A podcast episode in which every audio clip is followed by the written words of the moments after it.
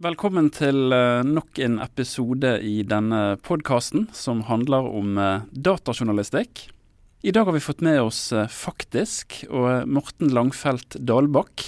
Han skal fortelle oss mer om et spennende prosjekt som har fått navnet Det norske ekkokammeret. Men aller først, Morten. Faktisk, kan du gi en kort uh, forklaring for dummies hva dere er? Det kan jeg. Uh, faktisk ble jo startet i 2017 som en faktasjekkredaksjon og skulle jobbe med å faktasjekke både virale falske nyheter og påstander fra som kjente norske personer og sånne ting. Det var et samarbeid mellom mange forskjellige store medieaktører. VG, Dagbladet, NRK, TV 2 Eh, og, og senere så har jo Amedia og Polaris også kommet inn i miksen. Og siden den gangen så har vi jo vokst en del, så vi jobber jo fortsatt mye med faktasjekk og med undersøkende journalistikk, men har også en skoleavdeling som lager undervisningsopplegg om kildekritikk, og nå etter hvert en innsiktsavdeling som gjør research og analyse. Så nå vi, har vi tre bein å, å stå på og føler at vi er i en fin vekst fremover. Det er strålende. For uh, faktasjekking er det vel liten uh, tvil om at vi har uh, behov for i vår moderne hverdag, som er preget av stadig mer miss- og desinformasjon, og falske nyheter, som noen populært kaller det. Du er mannen bak en ganske omfattende artikkelserie som, som innledningsvis nevnt, fikk tittel 'Det norske ekkokammeret'. Hva var det du boret i her? Hvilket problem var det du tok tak i? Veldig, den veldig korte versjonen er at eh, vi så at det var noen såkalte alternative medier i Norge som skapte enormt mye engasjement i sosiale medier. Eh, men vi vet også at dette er medier som ikke leses av så veldig mange. Så da fikk vi på en måte en gåte i fanget. Hvorfor kan så marginale medieaktører samtidig gjøre det så godt i sosiale medier? Så det var liksom det store spørsmålet vi ville finne svar på. Og for å finne svar på det, så måtte vi da bore ganske mye dypere i sosiale medier enn det som kanskje er vanlig å gjøre i Norge. Ja, og Før vi begynner å bore i, eh, i selve eh, prosjektet og hvordan dere angrep det, så kan du kanskje si litt om eh, hvorfor misinformasjon og desinformasjon er et problem, og et voksende problem. Ja, vi kan, eh, kan, først bare ta den litt lengre versjonen av eh, prosjektet også. fordi Når vi snakker om alternative medier, så er det snakk om medier som på en måte er utenfor det vanlige mediesystemet i Norge. Det er jo som gjerne har en veldig klar politisk tilhørighet, enten på den ytre høyre eller den ytre venstre siden. Så Det gjelder jo da medier som Dokument, Rights, Resett og Steigan. Som uh, jevnlig gjør det veldig godt i sosiale medier, og som til dels også bidrar til å spre nettopp miss- og feilinformasjon i Norge. Uh, og det er klart det er mange grunner til at miss- og feilinformasjon kan være et problem for uh, samfunnet. Det ene er jo rett og slett, det har vi jo sett veldig tydelig spesielt under pandemien. Der får man jo feilinformasjon om helseråd, om smitteverntiltak, om vaksiner og sånne ting, som i ytterste konsekvens kan være veldig skadelig for folkehelsen. Men det kan også være skadelig, mer skadelig for altså, folks oppfatning av hvordan samfunnet henger sammen, og hva som skjer i samfunnet. Hvis det er mye misinformasjon og feilinformasjon om politikk, om navngitte enkeltpolitikere, om institusjoner og sånne ting, så kan det erodere tilliten til institusjoner og politikk uten at det er berettiget. ikke sant? Så det er ikke nødvendigvis sånn at man skal ha masse tillit til alle institusjoner hele tiden hvis de ikke fortjener det, men feil, politisk feilinformasjon kan jo bidra til å undergrave tilliten selv om den egentlig bør være høy. Og Det er jo skadelig for sammenhengskraften i samfunnet, f.eks. Er det spesifikke målgrupper eh, som er mer sårbare enn andre her? Det er det vanskelig å, svare på. Det vi kan si, i hvert fall hvis man tar pandemien som eksempel, så er det jo åpenbart at når det er en krisesituasjon og mange er usikre på hva som skjer og hva de skal gjøre og hva som blir gjort for å bøte på den usikkerheten, da er man jo mer sårbar for feilinformasjon. Så man kan, ting som ser ut som gode svar, f.eks. at du kan gå ut i solen for å beskytte deg mot covid-19, som var en type feilinformasjon som ble spredd ganske mye. Det er jo ting som man kanskje kan ta til seg da, hvis man leter veldig etter løsninger på et, det som oppfattes som et akutt problem. Tilbake til selve prosjektet, Det norske ekkokammeret. Aller først, hva er et ekkokammer? Altså Ekkokammer er jo på en måte en litt sånn hva skal man si, dagligtalebetegnelse på et miljø hvor alle, de aller fleste mener det samme, og det ikke er noen motstemmer. Så den norske, den norske, debatten i helhet er jo ikke et ekkokammer. Der er det mye uenighet. Det er ganske mye rom for uenighet, og det er mange som mener forskjellige ting, og som korrigerer hverandre fortløpende. Og et ekkokammer er omvendt. Det er et lukket miljø hvor det er en slags diskusjon, men den diskusjonen er sånn at alle deler de samme premissene og trekker de samme konklusjonene fra de premissene. Og Det har gjerne den effekten at folk hauser hverandre opp istedenfor at de korrigerer hverandre. Det er noe man ser ofte i altså sånn, Det har ikke noe med hvilken side av politikken man tilhører å, gjøre, men man ser det ofte i politiske sammenhenger. At man får uh, ekkokamre der folk radikaliserer hverandre mer og mer og blir hardere og hardere i tonen eh, underveis, fordi alle mener det samme, alle bekrefter hverandre i å mene det samme også. Så Det er på en måte den overordnede definisjonen av hva et ekkokammer er. Og Noe av det som eh, kanskje har overrasket mange, er jo noe av det du påpekte innledningsvis her, at disse ekkokamrene og disse nettstedene, alternative nyhetsnettstedene som det vel heter på fagspråket, eh, har en veldig stor utbredelse, spesielt i sosiale medier. De overgår etablerte mediehus tidvis, som f.eks. Aftenposten. Det stemmer, og det er viktig å skille litt mellom stor utbredelse og spredning og mye engasjement her. Fordi stor spredning, da høres det ut som det når mange mennesker.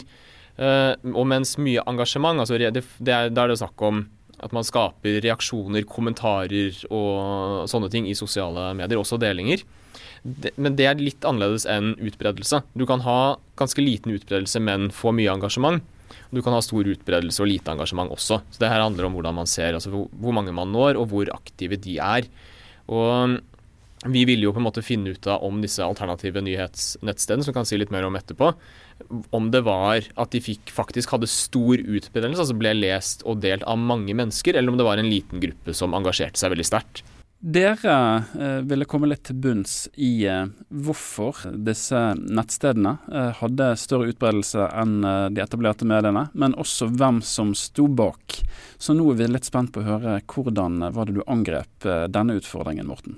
Ja, jeg kan si først at litt av grunnen til at vi ville se på disse alternative nyhetsnettstedene, er jo at det er nettsteder som har laget artikler og skrevet ting som vi har faktasjekket ganske mye. Er, de er jo kjent for å ha en del feil, feil og misinformasjon, selv om de ikke utelukkende har det. Eh, men vi eh, det vi bestemte oss for å gjøre, var rett og slett Vi så jo at disse nettstedene gjorde det veldig godt på Facebook spesielt. Eh, og det vi gjorde da, var rett og slett å hente ut ganske mange hundre tusen Facebook-innlegg hvor disse nettstedene ble nevnt eller lenket til, for å se hvordan de var delt, hvor de kom fra, hvilke grupper på Facebook som hadde spredd dem. Så Det var der vi startet.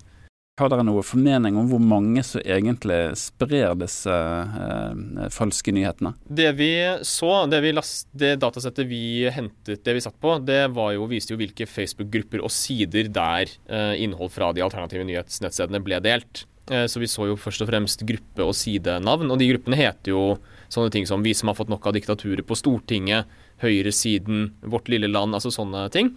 Så det var ganske, sånn sett ganske tydelig hva, hva, slags profil mange av dem hadde. Eh, men det er ikke, det er ikke direkte person, det er ikke personer man ser på direkte i de dataene. Eh, jeg har ikke inntrykk av at det er mange falske profiler og anonyme personer som holder på der, selv om det er noen tilfeller av det. Det kommer vi sikkert tilbake til etterpå. Så de aller fleste som engasjerer seg der, gjør det under eh, fullt navn, også de som driver disse gruppene og sidene. Så det vil jeg tro at Vi har jo ikke nøyaktige tall på hvor mange det er. Vi så at de minste gruppene vi, som var av interesse, hadde rundt 500 medlemmer. De største hadde rundt 45 000. Så det er ganske stort spenn. Og så kan man jo gjøre Vi vet jo ikke hvor, mange, hvor mye overlapp det er mellom medlemmene i disse gruppene. Sannsynligvis er det jo ganske høyt. Eller rett og slett fordi de gruppene er ganske ensartet politisk og i tonen. Og man ser jo at det er noen gjengangere der. Så man kan jo tenke seg at det er minst 50 000 personer og maks kanskje 100 000, men det er veldig fingeren i lufta beregning. For man kan ikke hente ut medlemslister fra Facebook for å se det 100% men for å kartlegge eh, problemer her, så eh, gjorde dere en veldig omfattende analyse av et stort eh, antall Facebook-innlegg. Det var 185 000 eh, poster som ble kjørt gjennom systemene deres. Det stemmer. altså Vi startet jo med ganske mye mer enn det. Uh, vi, valgte, vi brukte et verktøy som heter CrowdTangle. Uh, det er jo eid av Meta, tidligere Facebook, og er noe journalister generelt kan få tilgang til. Så vi brukte det til å hente ut innlegg der hvor de forskjellige alternative nyhetsnettstedene var nevnt. Og så vidt jeg husker så satt vi vel på 200 000-300 000 innlegg først. Men det vi ville se på var hvordan lenker spesifikt til de alternative nyhetsnettstedene gjorde, da, altså hvordan de ble reagert på. Så da måtte vi filtrere ned datasettet vårt til bare innlegg som inneholdt sånne lenker. Da satt vi igjen med 185 000 innlegg som hadde fått 34 millioner like-klikk-kommentarer og, og, delinger. Så det var ganske mye, ganske mye, data. Ikke vanvittig mye for folk som jobber med store datasett, men nok til at vi ikke kunne bruke vanlige verktøy som Google Sheets f.eks. Når dere hadde fått lastet ned dette datasettet, så var det bare første stopp på reisen, forstår jeg. Hva var neste steg her for å få ut verdi av disse rådataene fra, fra Crowdtangle? Det var jo flere ting vi, vi, gjorde med disse dataene. Det første vi ville vite, var jo bare hvilke Facebook-grupper er det som egentlig er viktigst i, altså for disse mediene. Og det er jo ganske enkle regneoperasjoner, egentlig. Da summerer du jo bare antall interaksjoner, som det heter, som er summen av reaksjoner, like kommentarer og delinger på et innlegg for hver gruppe. Kan du se hvor mye de har bidratt med. Og da så vi jo med en gang at det var noen som virkelig tronet øverst. Og det var uh, bl.a. gruppen Hege Storhaugs tilhengere som er en sånn slags fangruppe for lederen av tenketanken Human Rights Service, som driver alternative nyhetsnettsteder rights.no. Den var veldig viktig. Det samme var Hege Storhaugs egen personlige Facebook, eller offisielle Facebook-side, eh, pluss en del andre grupper. Eh, så det var, det var liksom det første funnet. Men vi tenkte jo en del gjennom sånn, hvordan kan vi virkelig vise fram det vi har funnet nå? For vi hadde jo ganske mye mer enn bare en toppliste. Det vi egentlig skjønte at vi satt på, var jo noe som viste på en måte det sosiale nettverket rundt de alternative nyhetsnettstedene i Norge. Spørsmålet var da hvordan vi skulle vise fram det. Og da samarbeidet vi med et annet selskap, Analyse og Tall, et analysebyrå som opprinnelig er dansk, men har etablert seg i Norge, om å lage en nettverksvisualisering av dette her. Så vi ville vise fram hele det sosiale nettverket. Se, som kunne vise som hvem er det som sprer innhold fra disse alternative nyhetsmediene. Er det overlapp mellom dem. Hvem er det som, og Hvilke Facebook-grupper og sånn er det som liksom utgjør hele økosystemet rundt sånne medier i Norge. Og Hva var de umiddelbare funnene når dere begynte å, å knuse tall der?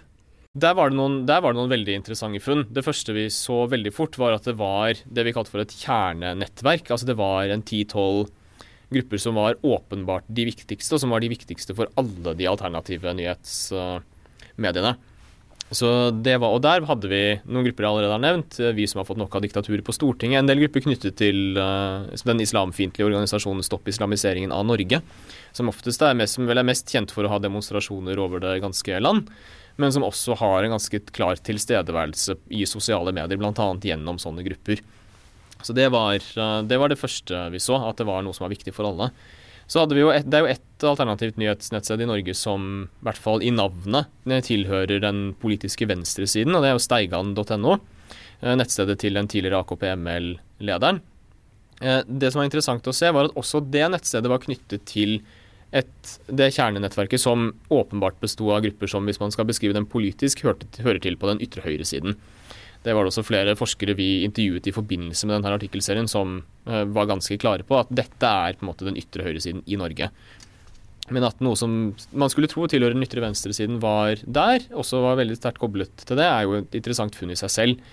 Så man ser at det er Man kan kanskje si at alternative nyhetsmedier, pga. måten de skriver på, hva de gjør, er ganske, antagelig er ganske like og appellerer til det samme publikummet som samler seg i disse ytre høyre-gruppene. Og nå er jo ikke lydformatet optimalt med tanke på å faktisk se eh, hvordan eh, denne nettverksanalysen eh, ble visualisert av dere, men jeg vil anbefale alle å google Det norske ekkokammeret og gå inn og se på denne store eh, nettverksgraf. Er det det som er fagtermen her? Det kalles en nettverksgraf, ja. Og for de som ikke har mulighet til å gå inn og se mens de hører på, så er det altså rett og slett en masse bobler som er bundet sammen av streker. Eh, og en boble er en Facebook-gruppe eller et nettsted, og så er det strekene som går mellom dem, er rett og slett bare lenkedelinger. Og så er det noe med størrelse på boble og farge som eh, sier noe om eh, mengden av en viss type innhold. Det stemmer, så vi har vi fargekodet alle boblene for å vise hvilket alternativt nyhetsmedium de delte flest lenker til. Eh, også var Størrelsen på hver boble var satt ved liksom hvor mye Facebook-engasjement de hadde bidratt med. I tillegg til det så får man i sånne nettverksgrafer Dette lager man jo gjennom algoritmer og dataprogrammer og sånn, naturligvis. Eh, man får også se noen skal man si, grupp, grupperinger der. Eh, og det var en del interessant der også. Blant annet så hadde vi en liten gruppe med danske venstreradikale Facebook-grupper som delte innhold fra steigan.no. Og også en del mer sånn generelle politiske grupper, gjerne vind, som var mye vindkraftmotstand og sånn, som delte en del fra bl.a. Dokument. Uten at det sier noe om de gruppene direkte, så er det fortsatt interessant å se sånne mønstre også.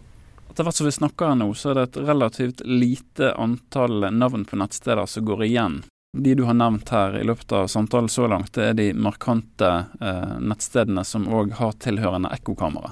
Det stemmer. Så det vi valgte å, å, gjøre, var å se på de fem største eh, alternative nyhetsmediene i, i Norge. Eh, for, rett og slett for å begrense jobben vi skulle gjøre, og også for at innholdet skulle være interessant. Um, så det er, uh, er rights.no, Resett, Dokument, Lykten og Steigan.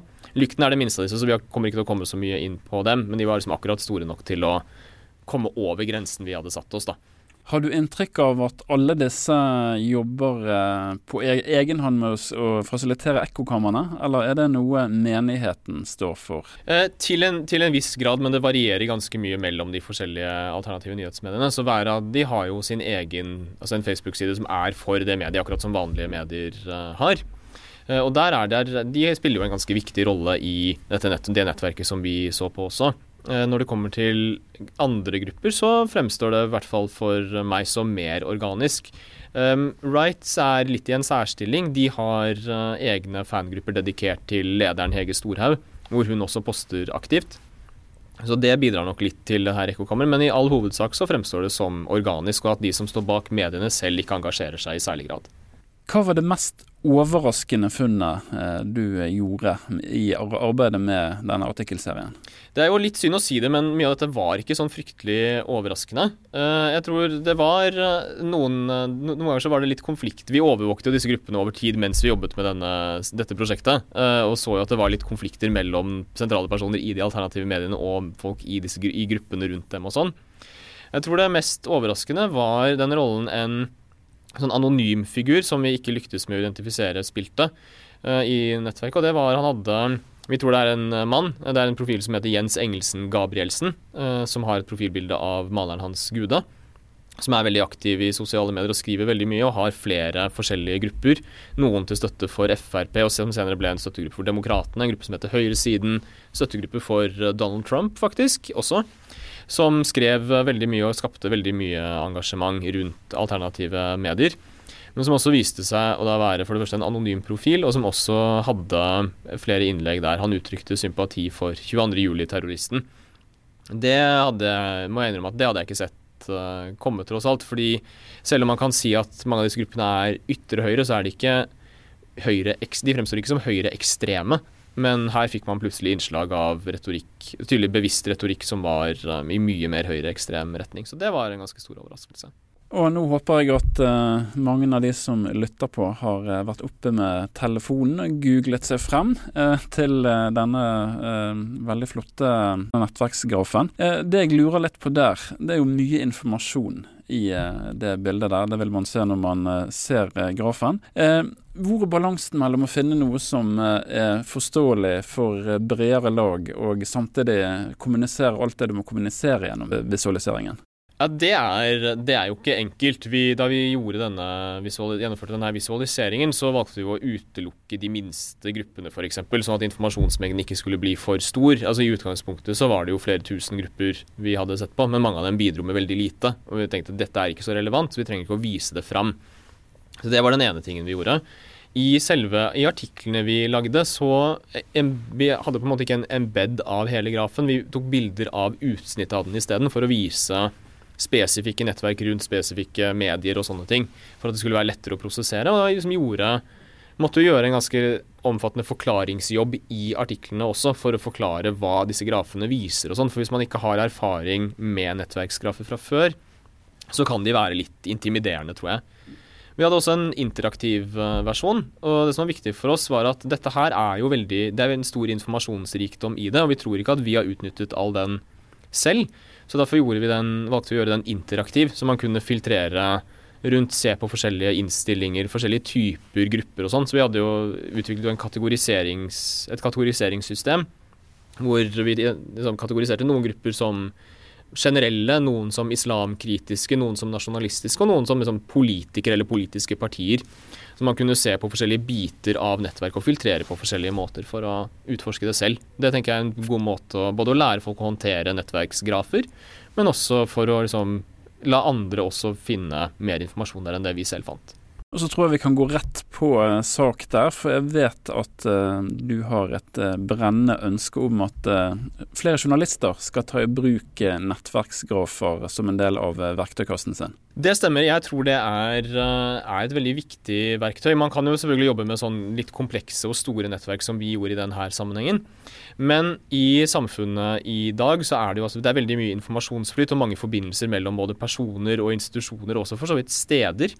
Og alle, alle, ting som er forbundet med hverandre, kan vises fram gjennom nettverk. Du kan vise det fram til leserne, men du kan også bruke det som et researchverktøy for å se forskjellige forbindelser. Og Et eh, eksempel som kanskje er interessant for lytterne her, er la oss si at du får innsyn i en postliste f.eks., hvor du ser avsendere og mottakere av forskjellige typer korrespondanse. Kan du, kan du vise fram eller finne mønstre i den korrespondansen? Det kan du jo sikkert stort sett. Uh, og en veldig god måte å vise fram de mønstrene, er å vise fram, vise fram som et nettverk. Da kan du se veldig tydelig hvem som mottar flest henvendelser, hvem som svarer, svarer mest, om det er, er det tydelige forbindelser mellom noen aktører i det offentlige f.eks. Det er jo veldig interessant informasjon både for lokaljournalister og også for journalister som jobber opp mot Stortinget og sånn, hvis du kan se den typen forbindelser og visualisere det på en god måte. Så alle, alle ting som liksom har med informasjonsflyt og kontakt å gjøre, er, der er nettverksanalyse og nettverksgrafer veldig nyttige både for journalistene som skal gjøre research, og for leserne som skal forstå utkommet av den researchen. Og så er det et potensielt eh, samspill der mellom leser og journalist. Mm i form av crowdsourcing av, eh, av, funn. Muligheten for at leserne selv finner nye forbindelser du eh, ikke har funnet selv, eller ved hjelp av analyseverktøy. Hvordan var eh, responsen fra leserne der? Fikk dere tips som basert på at noen hadde vært og navigert i, i denne nettverksgrafen? Vi fikk eh, hovedsakelig som tilbakemeldinger om at det var bra eller at det var forferdelig dårlig. Eh, det siste gjerne fra folk som var, eh, altså likte disse alternative mediene som vi, vi skrev om. Uh, jeg tror nok det er fordi mye av det vi viste fram var ganske ukjent for mange. Vi fikk jo noen tips om sånn jeg kjenner en som er med i den, den, gruppen som deler mye rart, kan dere ikke skrive om det? Og sånne ting. Men ikke noe større spor enn det. Men jeg tror nok som sagt at det har mer å gjøre med at Facebook-universet, som vi så på, er ganske ukjent for de aller fleste i Norge. Og det er jo litt det som var nyhetsverdien i saken også. At i Norge så har vi ganske lite oversikt over hva som skjer i sosiale medier, og spesielt denne underskogen. Og det gjør at det blir vanskelig å generere tips ut fra det også.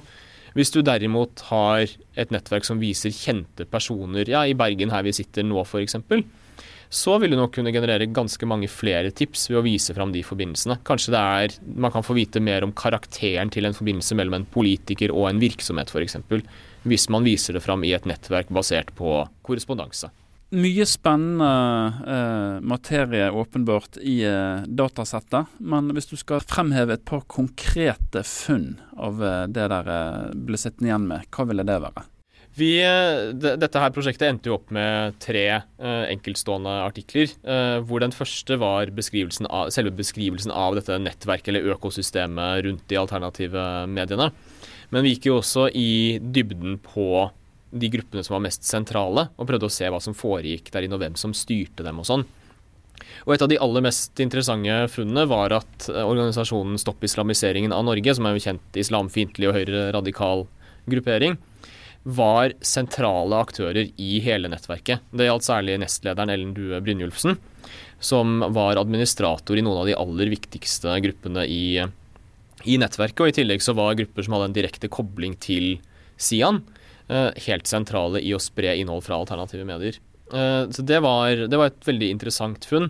Jeg tror de fleste tenker på Sian som en ganske marginal gruppe i det politiske Norge. Men når det kommer til sosiale medier, så er de altså del av noen av de Facebook-gruppene som genererer mest engasjement og har de mest påskrudde følgerne. Ikke det er ikke nødvendigvis sånn at de sier eksplisitt at dette er en gruppe for stopp islamiseringen av Norge, men de er inne og styrer der. Det er jo ganske åpenbart at her er det, om ikke veldig målrettet, så i hvert fall en form for politisk aktivitet og politisk motivasjon bak det å drive disse gruppene. I tillegg, vi brukte jo en del tid på rett og slett overvåke eh, aktiviteten i de her gruppene. Og tidlig i år, rundt januar-februar, så var det én gruppe spesielt som vi hadde vært oppmerksom på tidligere også, Nei til EØS og Schengen, som vi hadde sett dele ganske mye antivaksine, konspirasjonsteorier og, og sånne ting gjennom pandemien. Men som også var en viktig del av nettverket rundt de alternative mediene, og sikkert fortsatt er det. Den hadde plutselig fått et nytt administrator- og moderatorteam, hvor veldig mange av dem kom fra fylkeslaget til partiet Demokratene i Oslo. Som også er det samme fylkeslaget der partileder Geir Ugland Jacobsen er leder. Så vi eh, ble jo veldig nysgjerrige på hvorfor i all verden har demokratene gått inn her. Og hadde jo en mistanke om at det var en valgkampstrategi for dem. De var, gikk jo ganske høyt på banen i valgkampen, både Vidar Kleppe i Agder og Geir Ugland Jacobsen selv. Eh, de fikk også støtte fra en del av de alternative mediene. Eh, og flere, særlig Dokument har jo en journalist som er stilt til valg for det partiet også. Men det viste seg i hvert fall at demokratene tok over denne Facebook-gruppen og brukte den til å si, pumpe ut valgkampmateriale for demokratene, innlegg fra demokratene og oppfordringer til å melde seg inn i partiet. Uten at det på noe tidspunkt ble opplyst om at den gruppen her nå hadde fått en ny funksjon. Eh, så våre, vår gjennomgang av liksom innleggene i den gruppen tyder på at rundt 20% av alle innleggene i hvert fall eh, lenket til eller omtalte demokratene positivt og ble lagt ut av disse administratorene. Så, så det var, og det viste seg jo at, de hadde, dette hadde skjedd i flere Facebook-grupper også. Og da vi spurte Vi kartla denne aktiviteten og publiserte det vi fant i en artikkel. Og da vi ba partileder Ugland Jacobsen om kommentar, så sa han noe sånt som at han ikke ville svare på faktisk, spørsmål fra Faktisk fordi vi ikke har noe legitimitet. Og det er det jo i hvert fall fristende å ta som en bekreftelse. Når man ser eh, som eh, leser av artikkelserien det ferdige resultatet, så eh, ser det jo veldig strømlinjeformet ut. Hvilke læringssteg var det derimot gjennom på reisen? her? Hvilke, hvilke eksperimenter eller tanker førte ikke frem? Ja, nei, Det vi, første vi måtte gjøre, var jo å finne ut av hvordan vi skulle få mest mulig fullstendige data. Vi har jo brukt verktøyet Crowdtangle som nevnt, der, som, hvor du kan søke på omtrent samme måte som i Google. Men det første vi måtte gjøre, var jo å finne den riktige søkestrategien. Altså hvordan får vi mest mulig her. Vi begynte jo med å søke mer spesifikt på forskjellige lenker og samle, ha sånn samlesøk på mange domener og sånn, men da fikk vi veldig ufullstendige data. Vi oppdaget plutselig at CrowdTangle faktisk hadde en øvre grense for hvor mange rader du kan få i de CSV-filene som det pumper ut. Det var, altså det var, ikke noe som sto der eh, tydelig. Det var noe vi oppdaget fordi det var, på, det var, veldig påfallende plutselig at to regneark hadde nøyaktig 100 000 rader. Det sånn, Dette skjer ikke tilfeldig. Du trenger ikke å være statistiker for å skjønne det. Så da måtte vi raffinere søkestrategien litt og heller slå sammen datasett i etterkant. Så, neste, så veldig mye av læringspunktene her var egentlig om liksom hvordan skal man jobbe med data fra sosiale medier, og spesielt data som er generert via Crowdtangle. De kan ha litt forskjellige formateringer og eh, Altså tallene kan komme i forskjellige typer også.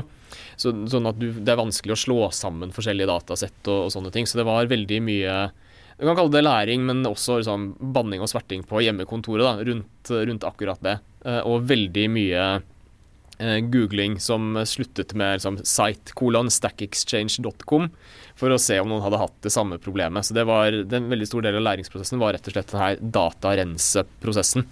Det var det som var det mest utfordrende når det kom til datagenereringen. Og Nå er vi på full fart inn i eh, det som sikkert mange av lytterne her er veldig interessert i å få høre mer om, nemlig alle verktøyene som har vært brukt her. Ja, eh, Crowdtangle er jo greit. Det kan alle journalister få tilgang til å bruke til å søke, så det er ganske intuitivt. Eh, vi hadde jo ikke gigantiske datasett, men store nok til at vi ikke kunne bruke vanlige regnearkløsninger. Så mye av den databehandlingen jeg har snakket om, det foregikk jo i R og da gjennom R-studio. Det er noen Det er forholdsvis lite tunge operasjoner, så det eneste man trenger, er egentlig pakken Tidyverse. Så så lenge man har installert den, så kan man gjøre de summeringsoperasjonene og renseoperasjonene og sånn som vi brukte. Så jeg anbefaler Men i dag så vil jeg nok anbefale mm, Pandas, eh, Python-biblioteket, isteden. Eh, rett og slett fordi sosiale mediedata ofte inneholder ganske mye tekst. Og min erfaring som ikke veldig garvet person med koding, eh, er at Pandas er litt bedre, og Python er litt bedre til å behandle tekst enn det R er. Så hvis eh, R-fans nå vil skrike til meg, så er det veldig velkommen til det. Dette er ikke eksperten som snakker på akkurat dette området. Så det var funksjonell programmering, altså i betydningen det fungerte for meg, men ikke noe ekspertise på den måten. Og så hadde du òg et verktøy så her som, hvor du faktisk satt og jobbet med nettverksanalysen lokalt på desktopen. Det stemmer. Uh, nettverksanalyser er jo ofte ganske krevende sånn komputasjonelt bare å gjennomføre. Vi, brukte, vi satte jo ut nettverksvisualiseringen da vi jobbet med akkurat dette prosjektet, men da ble det brukt et verktøy som heter Gephi, altså GEPHI. Som er et program du kan kjøre på desktopen, uh, og som da genererer nettverksgrafer for deg basert på dataene du mater inn. Det, jeg har i ettertid brukt det til å eksperimentere litt med å se på nettverk på Instagram, annet. Og det er forholdsvis brukervennlig. Det krever ganske mye rensing og strukturering av datasettet i forkant. Eh, det står det om i eh, dokumentasjonen til Geffy, at du må ha veldig datasettet må være bygget opp på en veldig spesifikk måte. Men så fort du kommer dit, så er det ganske intuitivt å bruke det. Da kan du bruke forskjellige graflayouts, du kan gjøre forskjellige kalkuleringer og statistikker på grafen din og alle mulige sånne ting. Så det er et veldig nyttig verktøy. Eh, det er også drevet og utviklet på dugnadsbasis, og er til dels litt ustabilt. Så den, hvis vi snakker om sånn læringspunkter og sånn, med Gephi, så er det viktigste læringspunktet at du skal lagre hvert minutt. Det må, ellers så kan det gå i dass. Uh, og det kan også, hvis du har veldig mye data, få maskinen din til å knele ganske effektivt. Så command save, den, den sitter i fingrene på, på Mac-brukeren, og control save uh, for Windows. Det tror jeg definitivt en bør gjøre. Og så har du eh, eh, også brukt et eh, lokalt eh, utviklet verktøy, Storyboard. Det stemmer. Så en ting vi var Vi har, vi har brukt Storyboard mye i faktisk generelt, bare for å følge med på hva norsk innhold som går viralt. Og en, vi, I denne sammenhengen, altså når vi jobbet med det norske ekkokammeret, så brukte vi Storyboard for å se om vi kunne finne en slags kontrast mellom hva Eh, slags hvordan de offentlige delingene av innhold fra alternative medier gjorde, det, sammenlignet med de private, det vi kalte for private. Eh, og CrowdTangle, som var hovedverktøyet vi brukte, det viser bare såkalt offentlige innlegg. Altså innlegg fra offentlige grupper, sider og verifiserte profiler og sånn. Men det er jo ikke alle delingene som en artikkel f.eks. får. Men de, eh, det engasjementet som skapes utenfor offentlige, den offentlige delen av Facebook, det vil jo da ikke komme med. Så ved å, mens Storyboard, som er drevet av Web64, som jo sitter her på Media City i Bergen, det viser jo alt engasjement, ikke bare det som kommer fra offentlige grupper, fordi de henter dataene sine fra et annet sted. Eh, og Det var jo veldig nyttig for oss, for da kunne vi også se uh, hvilken betydning det nettverket vi kartla, faktisk hadde for det totale engasjementet rundt de alternative nyhetsnettstedene. Så da kunne vi bruke samlestatistikk fra Storyboard og samlestatistikken fra CrowdTangle og bare ta differansen for å se hvor stor andel av engasjementet som kom fra vårt nettverk. Og Det var jo veldig slående, særlig i tilfellet rights.no, som fikk, til tider fikk over 80% av alt engasjementet som ble skapt fra det nettverket vi hadde kartlagt.